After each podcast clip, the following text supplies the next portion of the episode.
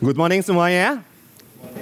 Nah, bagi semua um, saudara yang berbeda beribadah onsite maupun online, selamat pagi semuanya. Senang sekali um, pagi ini saya boleh berdiri di, di depan ini setelah berlama-lama saya berkhotbah kepada kamera, akhirnya saya bisa berkhotbah di hadapan saudara-saudara. Kangen juga rasanya ngeliatin ada orang-orang yang dengan antusias mendengarkan firman Tuhan. Kangen juga ngeliatin orang-orang yang agak-agak tertidur gitu ya. Cuman jangan takut kalau saudara ngantuk, lampu di sini begitu terang sehingga saya nggak bisa melihat muka saudara satu persatu.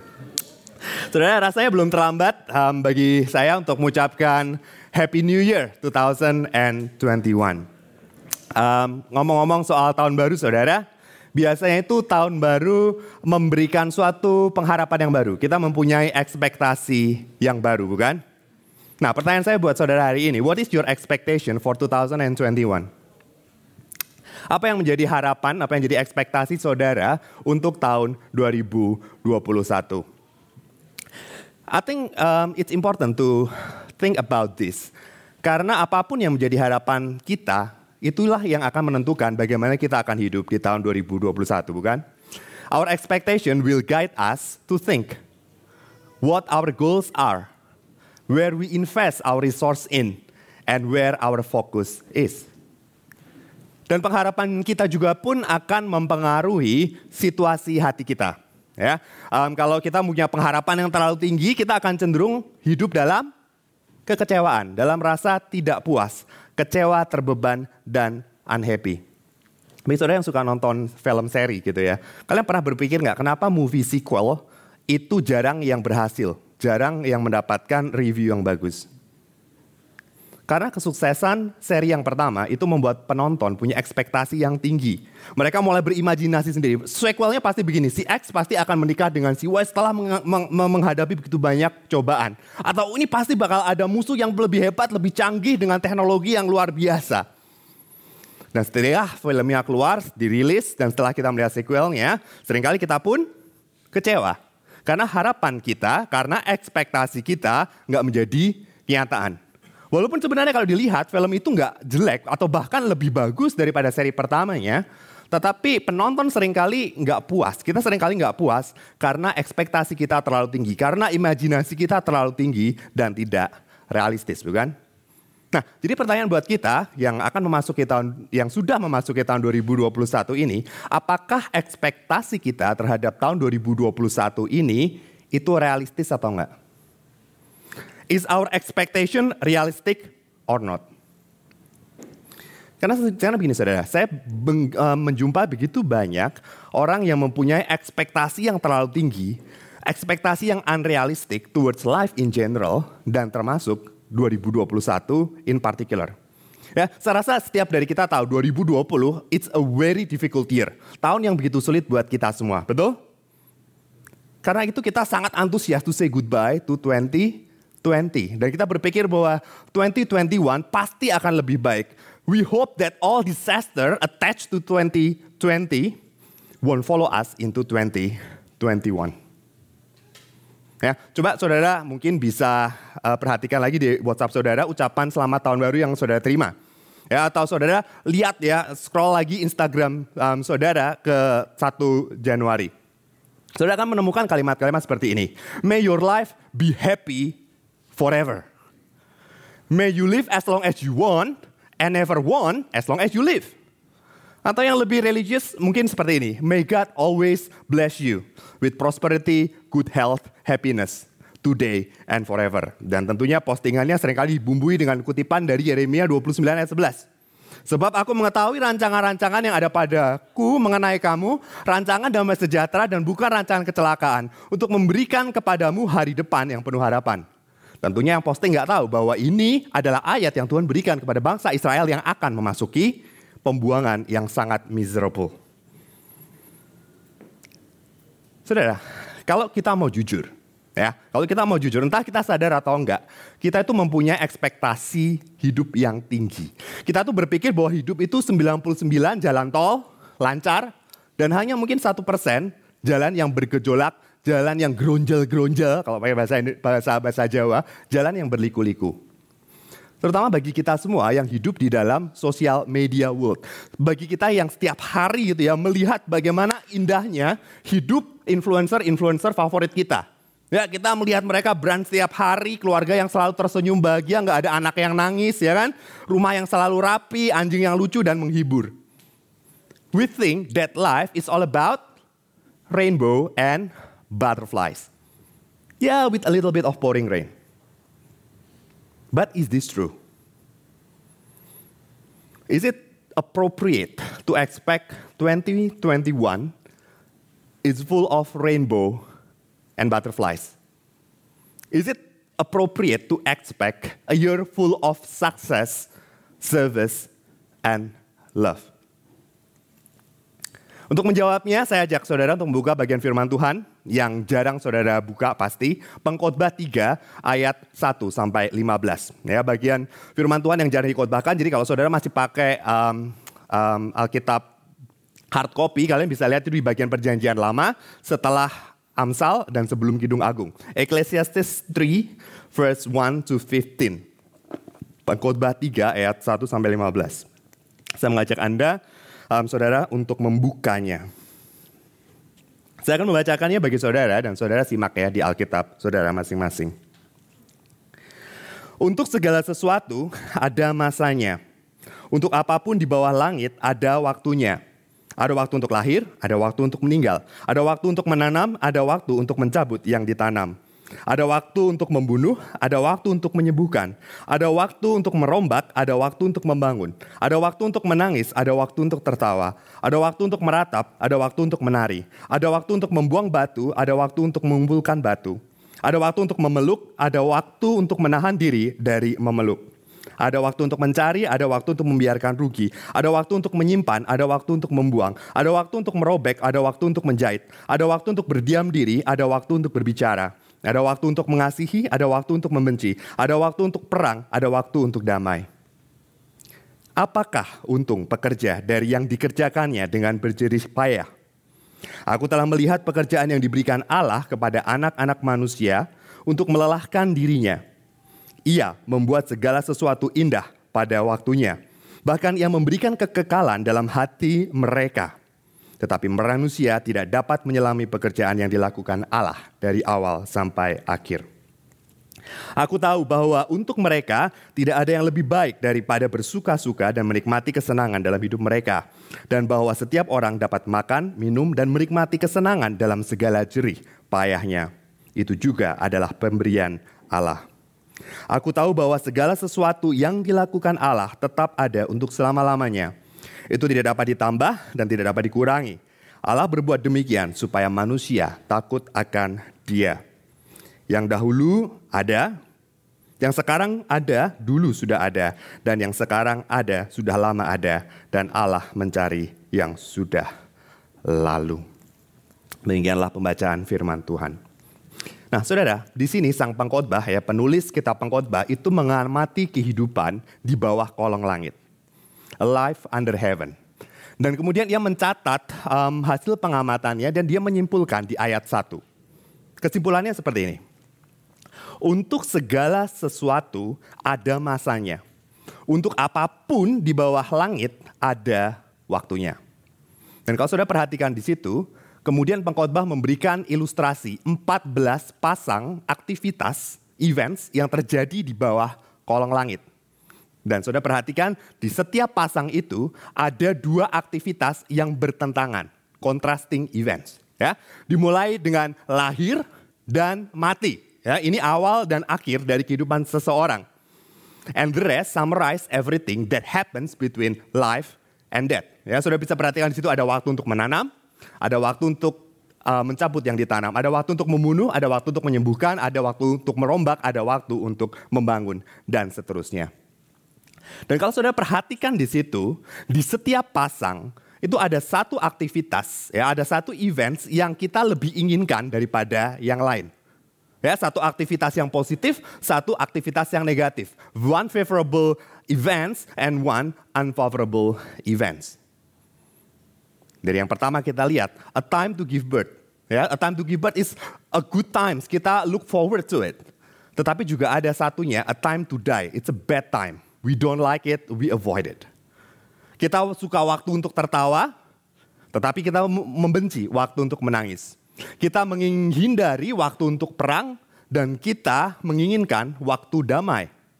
Kita lebih suka waktu memeluk daripada social distancing, right? We like one and avoid the others. Tapi kenyataannya kalau kita memperhatikan, keduanya pasti akan terjadi dalam kehidupan kita. Keduanya terjadi di dunia di mana kita hidup. Like it or not, both favorable and unfavorable events happens in our life. Positive and enjoyable times is always accompanied by negative and unpleasant experience. Suka nggak suka, pasti ada waktunya untuk menangis. Pasti ada waktunya untuk meratap. Pasti ada waktunya untuk berpisah. Pasti ada waktunya untuk merugi. Pasti akhirnya ada waktunya kita untuk meninggal. Sudah tahu bad newsnya apa? The bad news is that we are not in control over any of them. Kita tidak mempunyai kuasa untuk memilih kejadian-kejadian yang kita inginkan. Kita nggak bisa memilih, saya cuma mau ketawa. Saya cuma mau membangun. Saya cuma mau berdagang dan untung. Kita nggak bisa memilih. Kita juga nggak bisa memilih, ah gue nggak mau nih waktu untuk menangis. Menangisnya bentar aja. Kita nggak bisa memilih dan mengeliminasi kejadian-kejadian yang tidak kita inginkan. Bahkan kita nggak bisa mengatur, memilih waktu kapan hal itu terjadi. Kita nggak bisa mempercepat dan kita tidak bisa menundanya. Oke, saya tanya di sini, siapa saudara di sini yang memilih tanggal lahirnya sendiri. Tidak ada yang mau lahir tanggal 25 eh 29 Februari. Kenapa? Karena cuma dirayakan 4 tahun sekali. Gak mau lahir bilang nih sama orang tua, "Papi, Mami, saya nggak mau dilahirkan tanggal 26 Desember." Kenapa? Karena terlupakan, semua orang pada sibuk belanja. Ada yang bisa? Nggak ada bukan? Dan kita pun nggak bisa memilih kapan bad things happen in our life. Kita nggak bisa memilih waktu pandemi. Kita nggak bisa bilang, tunda dong Tuhan, gitu ya. Biarlah pandemi COVID ini ditunda sampai saya bisa mendapatkan PR sehingga saya nggak harus balik Indo. We have no control over these activities. And this is a big problem, right, for us. Kenapa? Karena kebenaran firman Tuhan ini itu bertabrakan dengan ekspektasi kita akan hidup ini. Seperti yang tadi kita pikirkan, kita selalu ingin hidup nyaman, sukses selalu, dan dan enjoy kita punya good health and wealth sama seperti yang kita sering temukan di ucapan-ucapan New Year tadi kan. Dan kalaupun kita harus melewati masa-masa yang sulit, kita ingin waktunya itu terjadinya sesuai dengan timing kita. Sehingga efeknya tuh nggak parah-parah amat lah dalam hidup kita. Everything still under control. Itu yang kita inginkan. Dan saudara, kalau kita mau jujur ya, ini yang diajarkan oleh dunia ini. Dunia selalu berkata pada kita that we are in charge of our own lives. Ada satu puisi gitu ya dari William Ernest Henley. Dia berkata seperti ini. I am the master of my fate. I am the captain of my soul. Tiap hari, sadar nggak sadar, kita diajarkan untuk berpikir apa yang kau inginkan, apa yang kita inginkan, all the good things that we want. Lalu kita dimotivasi untuk bekerja keras, sekeras mungkin supaya apa yang kita inginkan tadi itu pasti akan terjadi. Kita diajak untuk memanipulasi begitu banyak situasi. Kita diajak untuk memanipulasi keadaan sebisa mungkin, sekuat tenaga supaya hidup kita berjalan sesuai dengan rencana kita.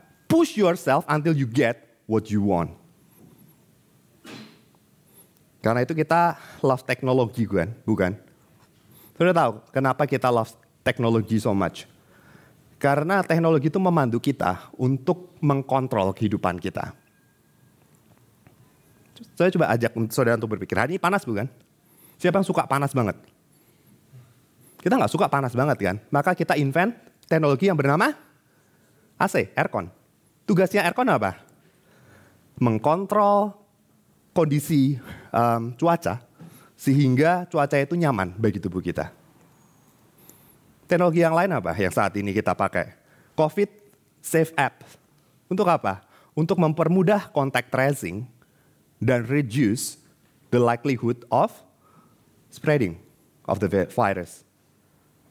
Dan tentunya kita tahu di um, di berbagai um, hospital dan laboratory kita melakukan begitu banyak riset untuk menyembuhkan penyakit apa pun itu dan memperpanjang hidup manusia. Of course there's nothing wrong with technology. Tuhan sendiri yang memerintahkan kepada Adam dan keturunannya kepada kita untuk mengelola alam semesta ini sehingga kehidupan manusia bisa menjadi lebih baik. Tetapi kita tidak bisa berpikir bahwa dengan teknologi kita dapat mengontrol kehidupan kita. Dengan teknologi kita bisa mengontrol apa yang terjadi di dalam dunia ini. Why? Because even with technology, we have no perfect control over all things under heaven. Saudara, hidup itu terlalu kompleks. Hidup itu mempunyai begitu banyak variabel. Betul? Dan hanya sebagian kecil dari variabel tersebut yang bisa kita kontrol. And the rest are uncontrollable factors. Bahkan banyak factors yang kita tidak bisa lihat. Hidden factors. Saya coba aja saudara untuk berpikir. Saya rasa setiap dari kita yang ada di sini pernah naik pesawat, bukan? Dan everyone wants to have a safe flight, right? Coba sudah pikirkan, apa variabel yang harus dikontrol sehingga uh, apa apa uh, apa ya apa variabel yang mempengaruhi keselamatan penerbangan? Sudah bisa pikirkan? Yang pertama, at least kondisi pesawat. Ya, kondisi pesawat baik apa enggak di maintain dengan benar atau enggak. Yang kedua, keahlian pilot. Ya ini pilotnya baru pilot baru lulus atau dia sudah punya jam terbang yang begitu tinggi. Kondisi kesehatan pilot, apakah pilotnya lagi sakit, lagi mabuk, atau under influence of drugs? Kondisi cuaca, apakah cuaca itu sedang hujan, banyak turbulence, banyak angin? Apakah penumpang, bagaimana penumpang lainnya? Ya, apakah penumpang lainnya baik-baik gitu? Apa ada teroris di sana? Bagaimana ketatnya pemeriksaan penumpang di airport? Jangan-jangan ada yang menyembunyikan pisau dan segala macam di bagasi yang kita nggak bisa lihat. Bagaimana dengan muatan kargo yang lainnya? Jangan-jangan ada perusahaan yang um, apa yang ship bahan peledak di pesawat yang bisa di detonate. Well, itu saya rasa beberapa saja dari dari faktor yang saya tahu gitu. Tetapi dari hal-hal tersebut tadi, seberapa banyak kita bisa kontrol sih? Well, mungkin kita bisa memilih maskapai penerbangan yang punya track record yang bagus, yang jarang jatuh gitu ya, dan punya prosedur penerbangan dan pemeriksaan yang ketat. Tapi ya kita nggak bisa memilih gitu kan ya kondisi pesawat yang kita pakai. Kita nggak bisa memilih siapa pilot yang menerbangkan pesawat kita, kecuali mungkin kita charter kali ya. Kita juga nggak bisa mengandalkan cuaca selama penerbangan. Kita nggak bisa memilih siapa yang akan terbang bersama kita. Ya, hanya orang Kristen nggak boleh ada teroris. We have very limited control. Dan begitu juga dengan pandemi ini bukan? It's not just medical problem. Kalau cuma sekedar penyebaran virus itu karena medical problem, kita sudah hard lockdown and everything's finished. Nggak akan ada nggak akan ada virus lagi. Tetapi kita perlu mempertimbangkan begitu banyak faktor yang lain, faktor ekonomi, faktor global ekonomi, faktor uh, mental health masyarakat, faktor compassion, faktor sosial, faktor politik dan begitu banyak hal yang kita bisa kontrol. Dan kita perlu kontrol actually supaya di dalam dunia ini tidak akan ada lagi virus. Nah, supaya saudara get this point, saya akan mengadakan um, a, a quick experiment gitu. Saya panggil research asisten kita, Joshua, bisa datang ke depan. Saya akan coba melakukan eksperimen.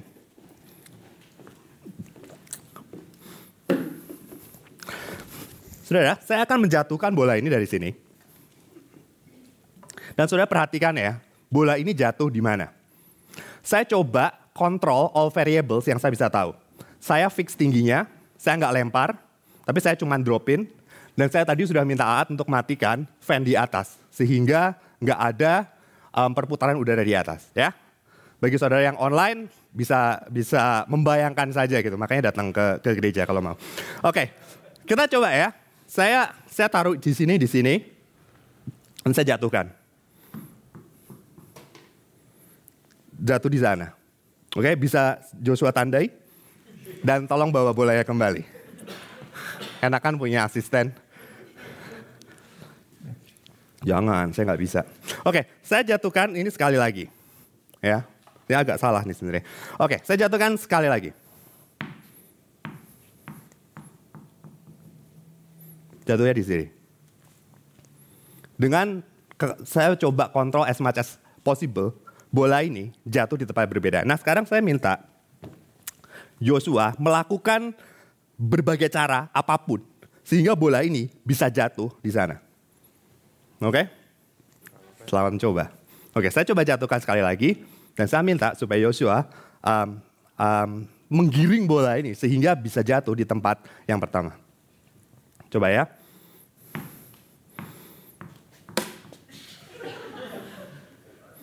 Hmm, tidak berhasil. Oke, kita coba sekali lagi. Kita coba sekali lagi. Kita coba sekali lagi ya. Oke.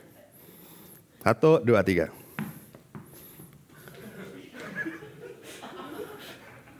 Tetap tidak bisa. Ini terima kasih Jos. Beri tepuk tangan buat Joshua. Saudara, ini ini masalah gampang. Masalah mengendalikan satu bola yang saya sudah coba fix all the factor yang saya bisa fix. Tetapi even dengan bola ini nggak gampang kan untuk make it happen, make it drop, uh, make it stop at the spot that we want. Lalu bagaimana dengan kehidupan kita? Bukannya kehidupan kita punya jauh lebih banyak faktor yang kita nggak bisa kontrol. Life is complex and full of uncertainty. And we have no ultimate control over lives. Karena itu di ayat 9, pengkhotbah mengajukan sebuah pertanyaan. Apa untungnya pekerja dari yang dikerjakan dengan berjerih lelah? Atau saya bisa parafrasikan seperti ini. What control can human beings achieve from their efforts? Ini pertanyaan retorika saudara. Jawabannya apa? Nothing. Nil. Big fat zero.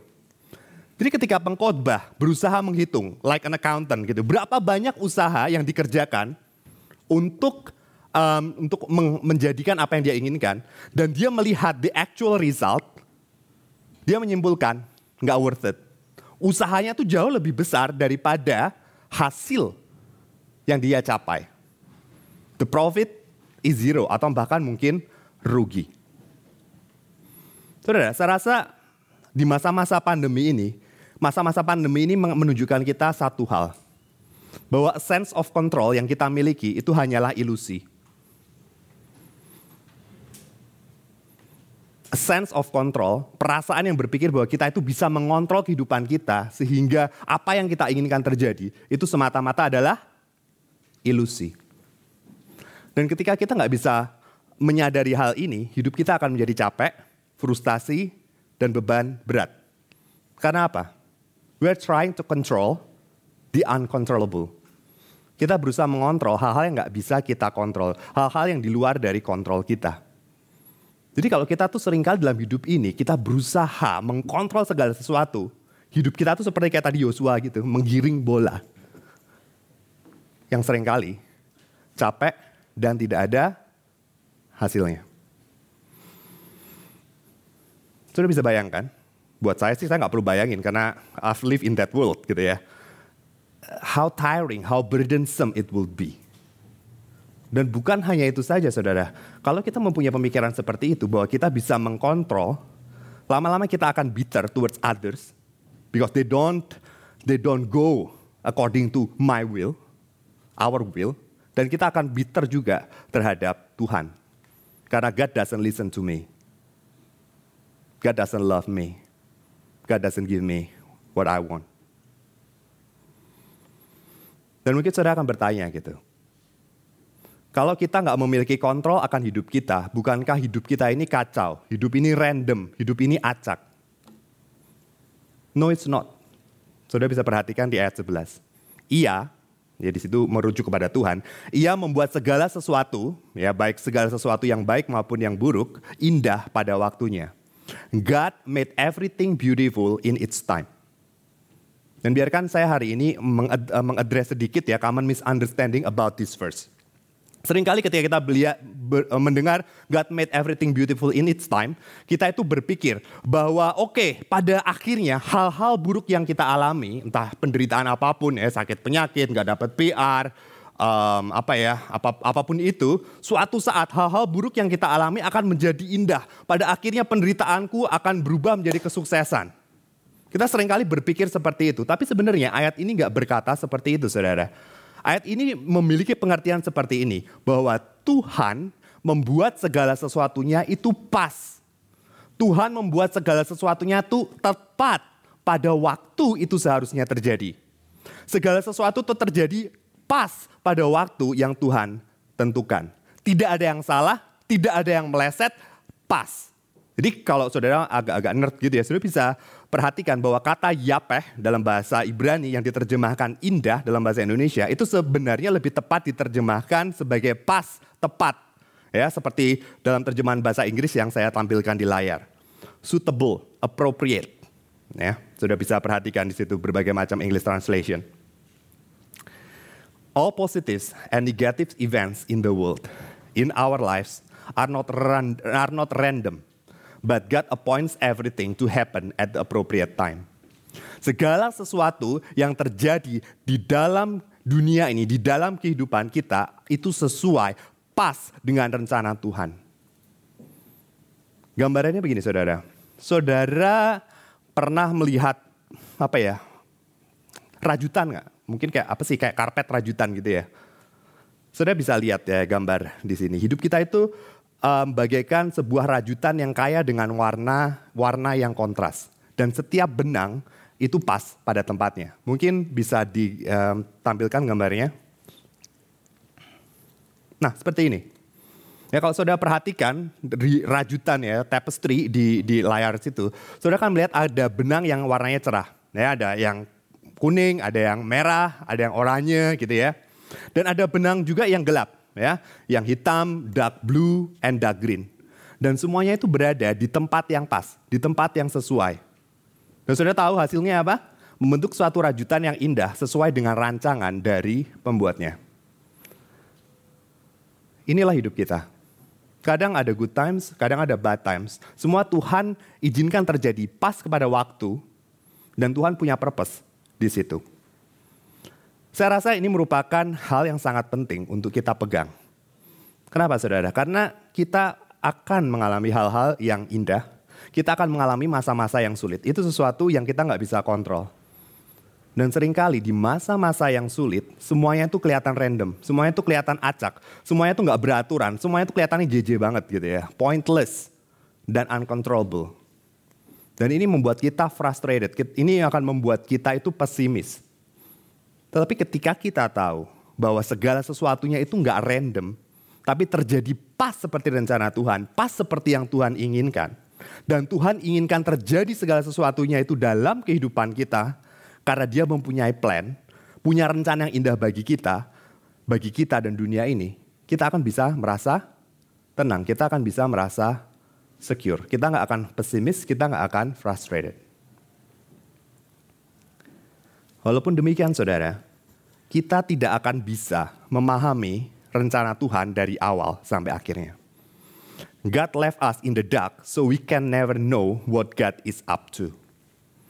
Kalau sudah perhatikan di ayat 11, di situ dikatakan, Ia membuat segala sesuatu indah pada waktunya.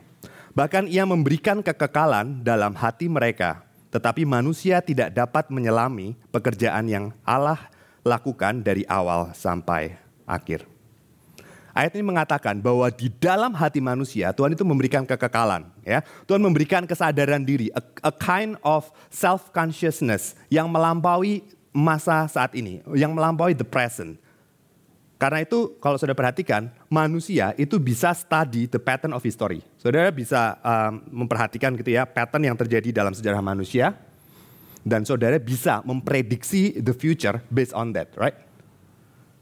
Tuhan memberikan that kind of um, self-conscious in our heart. Tetapi di situ dikatakan bahwa walaupun demikian manusia tetap tidak bisa melihat rencana Tuhan secara keseluruhan dari awal sampai akhir. We can only see bits and pieces, but we can't see the pictures.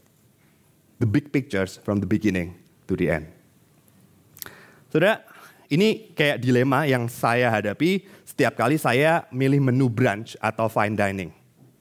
Ya, kalau saudara perhatiin gitu ya menu brunch itu ada ingredients-ingredientsnya, betul? Dan saya bisa membayangkan setiap ingredients yang tertulis di menu. Tapi saya nggak pernah bisa bayangkan keluarnya itu makanannya atau minumannya seperti apa. I can't picture the big pictures. Saya ajak saudara untuk berpikir nih. Ini menunya marshmallow rum, coconut, fresh pressed pineapple, roasted marshmallow, served in a cloud of hickory smoke. Saudara bisa bayangkan kira-kira kayak apa? Mungkin saudara bisa membayangkan marshmallow rum, saudara bisa bayangkan coconut, saudara bisa bayangkan fresh uh, fresh pressed pineapple, saudara bisa bayangkan roasted marshmallow, saudara mungkin bisa membayangkan hickory smoke. Individually yes, tapi apakah saudara bisa membayangkan kalau hasilnya seperti ini?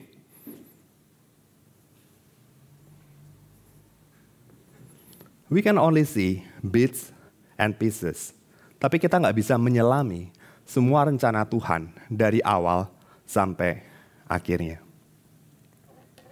We cannot apa ya piece things together the favorable and unfavorable time, um, events that happen in our life in this world into a perfect picture. Karena itu saudara, sering kali ketika kita mengalami masa-masa sulit, kita sering kali menebak-nebakan. Why me? Kenapa? Apa yang Tuhan ingin kerjakan? Apa rencana Tuhan? Apa apa rencana Tuhan mengizinkan COVID itu merusak rencana hidup begitu banyak orang? Apa yang Tuhan ingin lakukan terjadi lewat lewat COVID-19 ini? Know. Of course kita tahu dari Roma 8 ayat 28 sampai 29 bahwa Tuhan bekerja dalam segala hal termasuk dalam masa-masa pandemi dan masa-masa sulit dalam hidup kita untuk mendatangkan kebaikan bagi orang yang mengasihi Dia sehingga kita semua diubahkan serupa dengan Kristus. But more than that, we can't see more than that. We can't see more specific than that.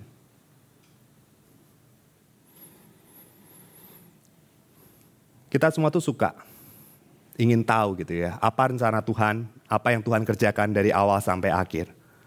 But unfortunately, Tuhan itu tidak memberikan kita kemampuan untuk bisa melihat semuanya. Mungkin saudara berpikir gitu ya, why? Kenapa? Kenapa di satu sisi Tuhan memberikan kita kemampuan untuk mempelajari sejarah, memprediksi masa depan, sehingga kita tuh cenderung ingin tahu gitu, apa sih yang terjadi masa depan, apa sih artinya masa-masa sulit dalam hidup ini. Kita kita berusaha trying to figure that out. Kenapa di satu sisi Tuhan mengizin membiar, oh, sorry, uh, kenapa di satu sisi Tuhan um, desain kita seperti itu, tapi on the other hand Tuhan itu uh, membuat kita nggak bisa memahami rencana dan pekerjaan Tuhan dari awal sampai akhir. Ini merupakan suatu kontradiksi bukan? Dan kontradiksi ini membuat kita sering kali merasa frustrasi. Kenapa? Kenapa kita nggak bisa memahami itu? Ayat 14. Di situ dikatakan, Allah berbuat demikian supaya manusia takut akan dia. So that people fear before him. Supaya di tengah rasa frustrasi yang kita hadapi, supaya di tengah rasa putus asa dan hopelessness karena kita nggak bisa mengendalikan segala sesuatu, karena kita nggak bisa lihat the bigger pictures of God's plan, kita itu bisa datang kepada Dia dengan rasa takut. Supaya kita bisa datang kepada Tuhan dengan rasa takut. Nah, apa yang dimaksudkan dengan takut akan Tuhan? Tentunya ini bukan rasa takut in a negative sense gitu ya. Seolah-olah Tuhan itu adalah sesosok yang kejam, sesosok yang jahat, a cruel tyrant. Tetapi takut akan Tuhan di sini artinya kita menghormati Tuhan, kita menghargai Tuhan, revering God. Kita memperlakukan Tuhan sebagai Tuhan dan kita menerima keterbatasan kita sebagai manusia yang diciptakan oleh Tuhan. Takut akan Tuhan berarti kita treat God as God and realize that we are human being, God's creation. Um, satu komentator berkata seperti ini. um, namanya Chun Leong Shou. Konsep takut akan Tuhan di sini menekankan jarak antara manusia dengan Allah. Mengakui Tuhan sebagai Tuhan dan manusia sebagai manusia. Usaha dan pengetahuan manusia sangat terbatas. Dan pada akhirnya manusia harus menerima bahwa kita berhadapan dengan Allah yang berdaulat dan tidak dapat dipahami oleh manusia. Setelah melihat apa yang terjadi di dalam dunia ini, pengkhotbah memanggil kita untuk takut akan Dia, untuk mengakui Allah sebagai Allah dan kita manusia ciptaannya yang terbatas. Dan saudara tahu, ketika kita bisa melakukan hal ini, ada dua hal yang terjadi dalam kita, hidup kita. This recognition will lead us into two things. Yang pertama, kita trust God. Yang kedua, kita bisa rejoice in His gift. Yang pertama, trusting God. Hidup yang mempercaya Tuhan. Begini saudara, saudara pernah berpikir nggak, kenapa kita itu suka mengkontrol segala sesuatu yang terjadi dalam kehidupan kita? Why we love control so much? Saudara pernah pikirkan hal itu nggak? Let me tell you from my own experience as a control freak. Behind the illusions of control is a belief that the only person, the only person that we ultimately trust is ourselves. The only person that love us and care for us is ourselves. Di balik kecintaan kita akan kontrol, di balik keinginan kita untuk mengontrol situasi, itu ada satu kepercayaan, sesuatu hal yang kita percaya bahwa orang yang bisa dipercayai itu hanya diri kita. Yang lain itu nggak um, trustworthy. Dan the only person that cares for us is us. Makanya kita mati-matian menginginkan rencana kita, keinginan kita itu terjadi. Kita nggak akan membiarkan hidup kita dikontrol oleh keadaan, dikontrol oleh lain, bahkan dikontrol oleh Tuhan. Kenapa? Kita berpikir they're not trustworthy. Di balik itu semuanya, itu ada self-centeredness. Karena itu, satu-satunya cara untuk keluar dari hidup yang melelahkan, trying to control the uncontrollable, itu adalah mempercayai Tuhan. Fear God. Karena kita percaya bahwa Allah kita adalah Allah yang berdaulat. Allah yang mengasihi kita. Allah yang peduli dengan anak-anaknya. Walaupun rencana itu tidak terselami, kita nggak bisa memikirkan apa yang Tuhan ingin kerjakan dari awal sampai akhir.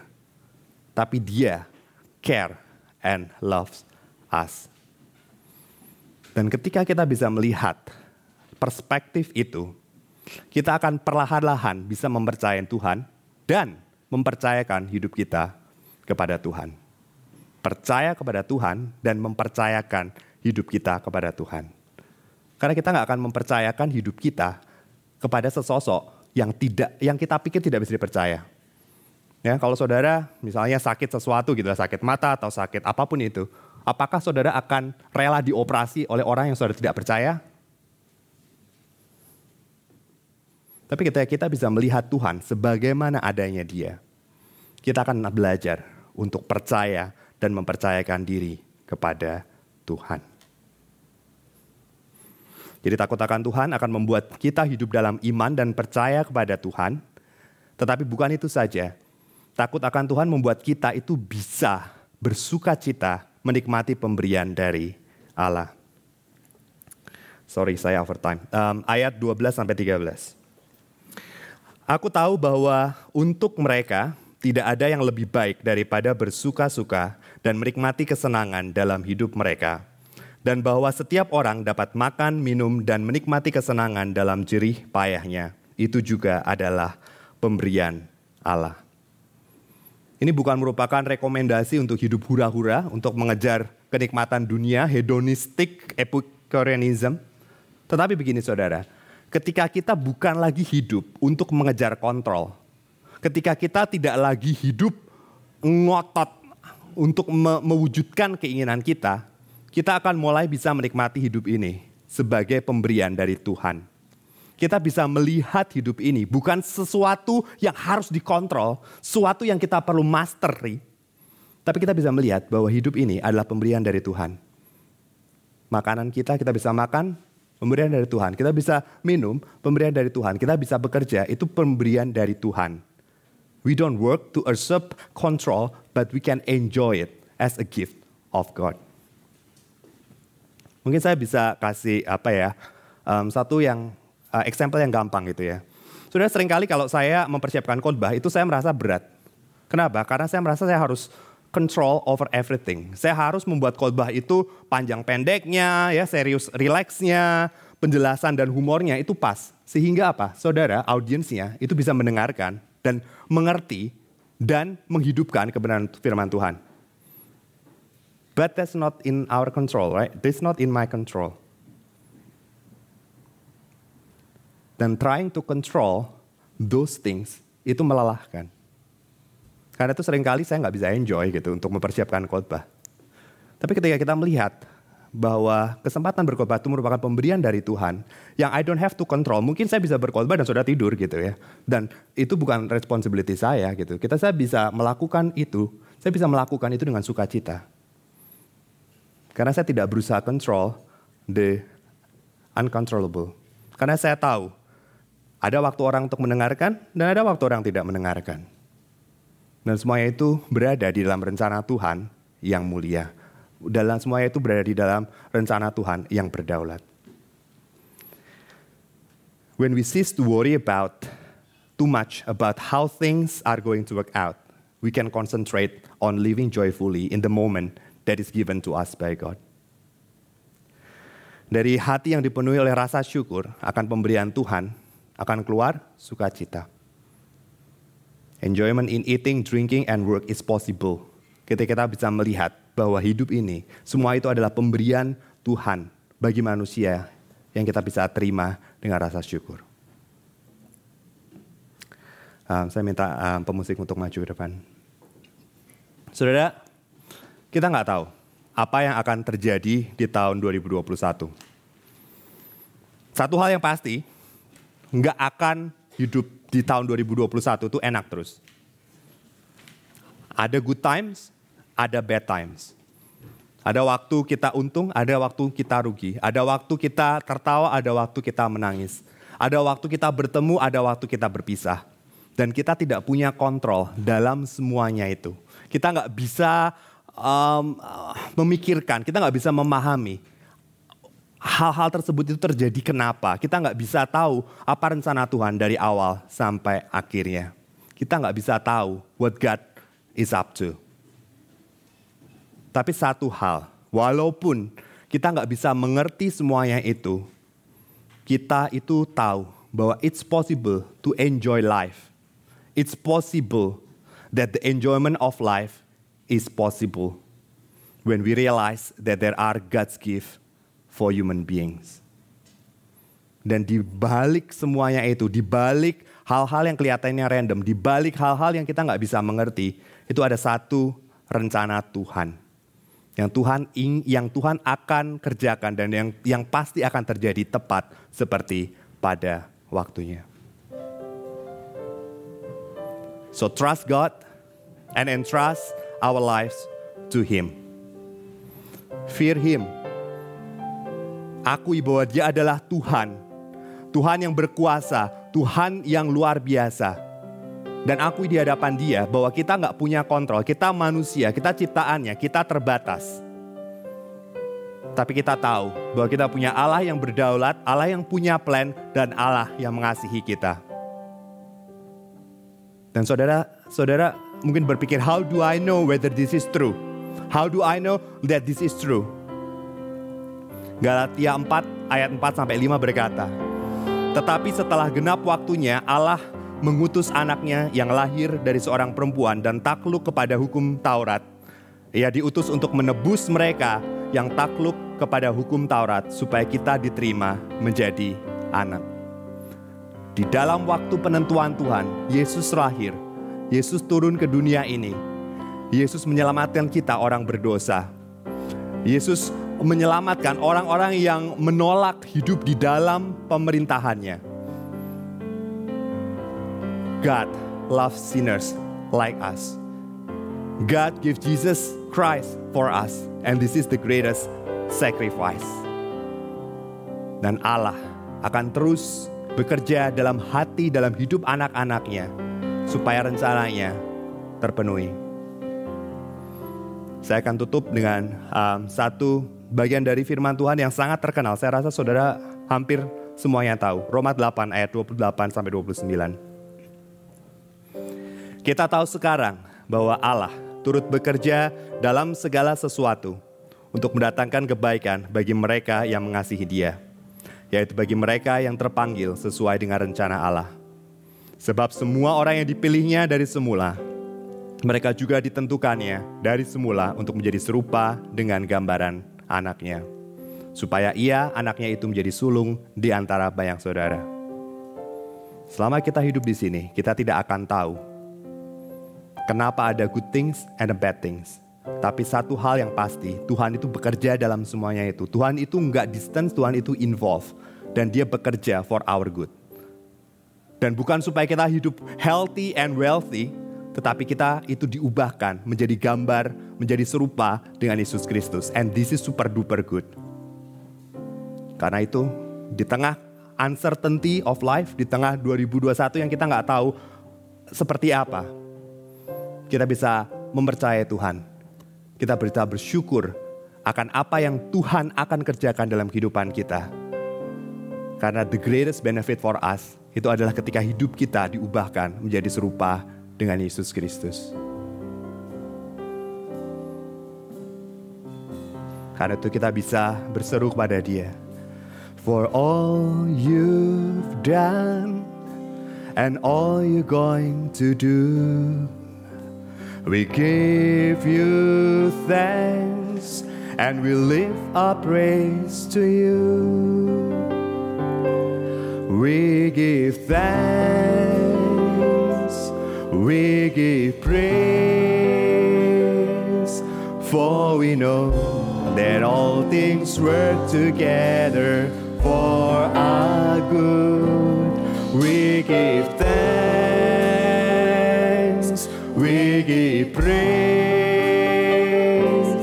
for by faith we know your grace through. Saudara di sini mari kita berdiri bersama-sama. Kita puji dia dan berterima kasih kepada dia yang akan mengerjakan hal yang luar biasa dalam hidup kita. For all those things that we don't understand, we come by faith and place them in your hands.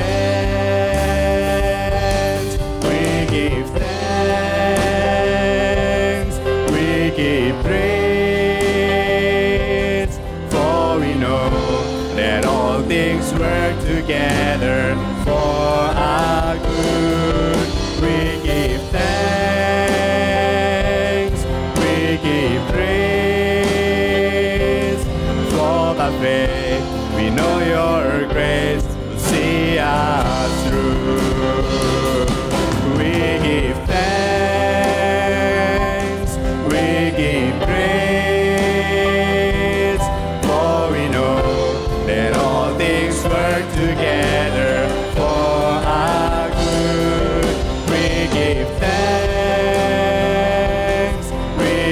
praise, for by